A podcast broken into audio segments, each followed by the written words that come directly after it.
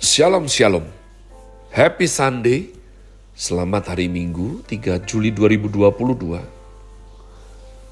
Kembali jumpa bersama saya Pendeta Caleb Hofer Bintor dalam anugerahnya Penuh sukacita sampaikan pesan Tuhan melalui Grace Words yakni suatu program renungan harian yang disusun dengan disiplin kami doakan dengan setia. Supaya makin dalam kita beroleh pengertian mengenai iman, pengharapan, dan kasih yang terkandung dalam Kristus Yesus. Sungguh besar kerinduan saya bagi saudara sekalian, agar supaya kasih dan kuasa firman Tuhan setiap hari tidak pernah berhenti menjamah hati, menggarap pola pikir kita dan paling utama hidup kita boleh sungguh berubah menuju Christ likeness. Berada dalam season autumn dengan tema bulan ini boldness for the king. Grace Word hari ini saya berikan judul favor bagian yang kedua.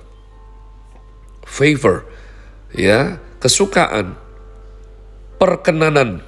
Dalam hal ini, favor di sini adalah perkenanan bukan dari manusia, melainkan daripada Tuhan. Jika hari ini adalah pertama kalinya saudara atau saudari mendengarkan program ini, Izinkan saya menyapa dengan mengucapkan Assalamualaikum alaihim, selamat bergabung. Hambanya ini berdoa supaya engkau beroleh sesuatu yang baru, nutrisi, kehidupan dari firman untuk manusia rohanimu, dan juga kita bertumbuh bersama ke arah Kristus.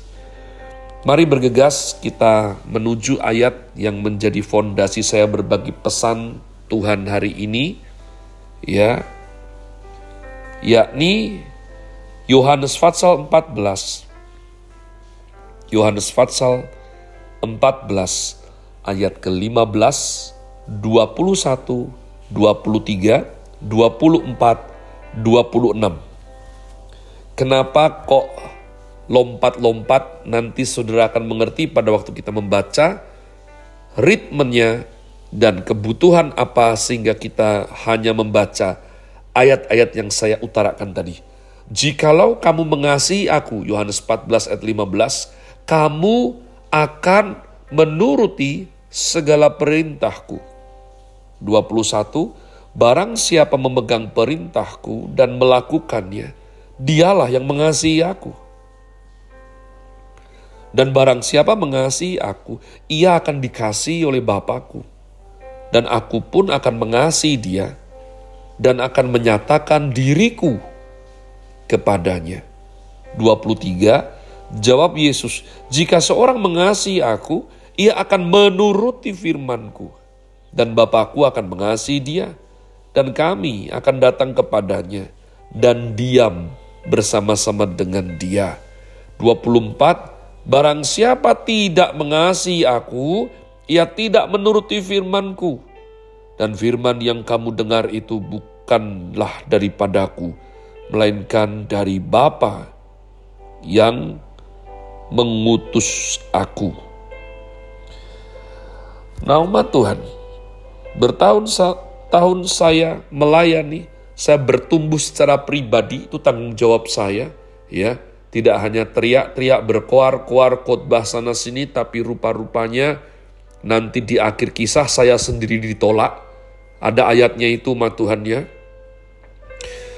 Saya berpikir bagaimana mungkin begitu banyak orang mengaku cinta Tuhan. Namun memiliki respon yang berlain-lainan terhadap firman Tuhan.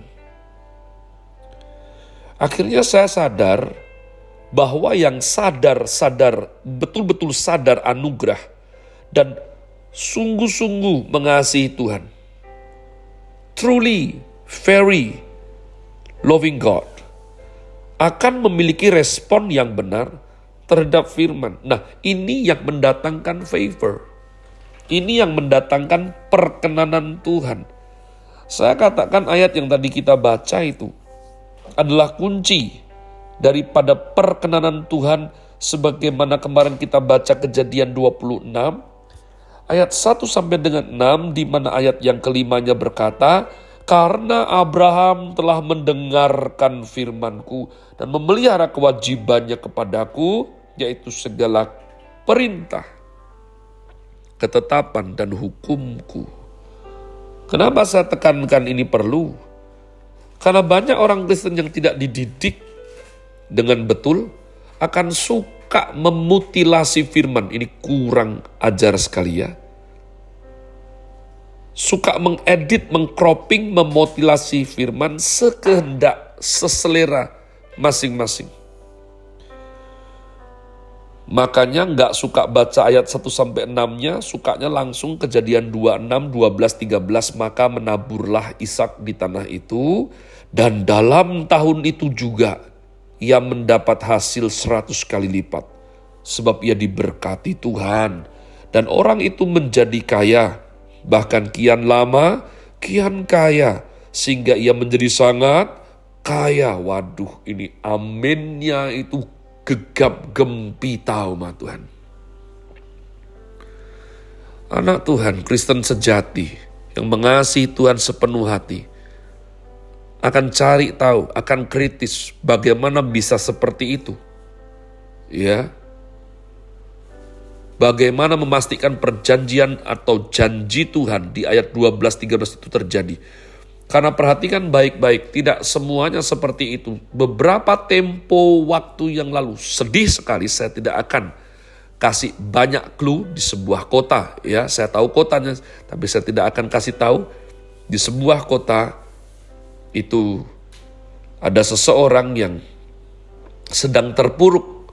Ketika sedang terpuruk dia membutuhkan solusi untuk bisnis dan keuangannya. Ketika pinjaman di bank sudah tidak bisa dimainkan lagi,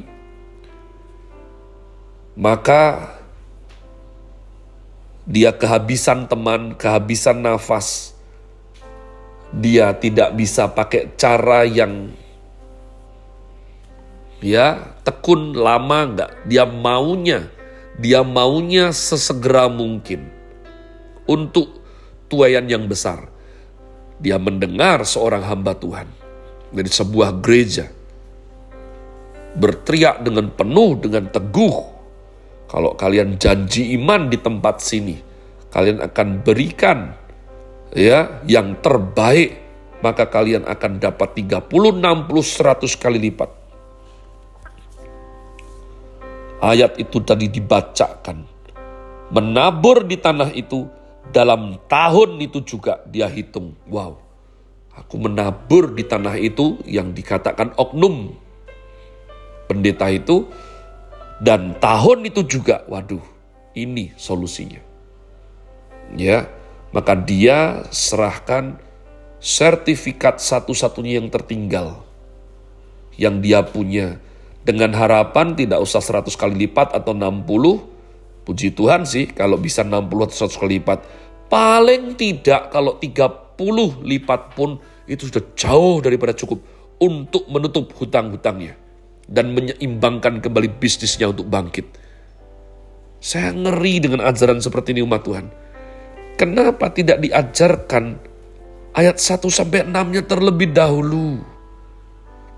Bapak Abraham itu disebut bapaknya orang percaya. Tuhan sudah bilang kuncinya ada di ayat yang kelima karena Abraham telah mendengarkan firmanku dan memelihara kewajibannya kepadaku. Yohanes ulang, jika kamu mengasihi aku, kamu akan menuruti segala perintahku. Jadi melakukan firman dulu, mengenal Tuhan, melakukan firman. Tapi dia ya terpikat oleh omongan daripada oknum yang berteriak-teriak dengan lantang dan penuh percaya diri. Singkat cerita tidak terjadi seperti yang diidam-idamkannya. Dan dia memberanikan diri untuk meminta daripada sertifikat itu. Dan panitia berkata bahwa tidak bisa kamu kasih sama Tuhan, kenapa diminta lagi? Dia malu tapi juga tertekan. Ya, juga sudah bingung karena sudah lewat beberapa bulan tentunya. Dan orang itu mengakhiri hidupnya dengan tragis umat Tuhan. dia bunuh diri. Hal-hal seperti ini membuat saya marah sekali. Kita akan dengan mudah berkata bahwa salah sendiri cepat percaya, tapi saya rasa kalau engkau hamba Tuhan dan mendengarkan program ini, saya percaya tidak kebetulan. Janganlah yuk kita main seperti itu.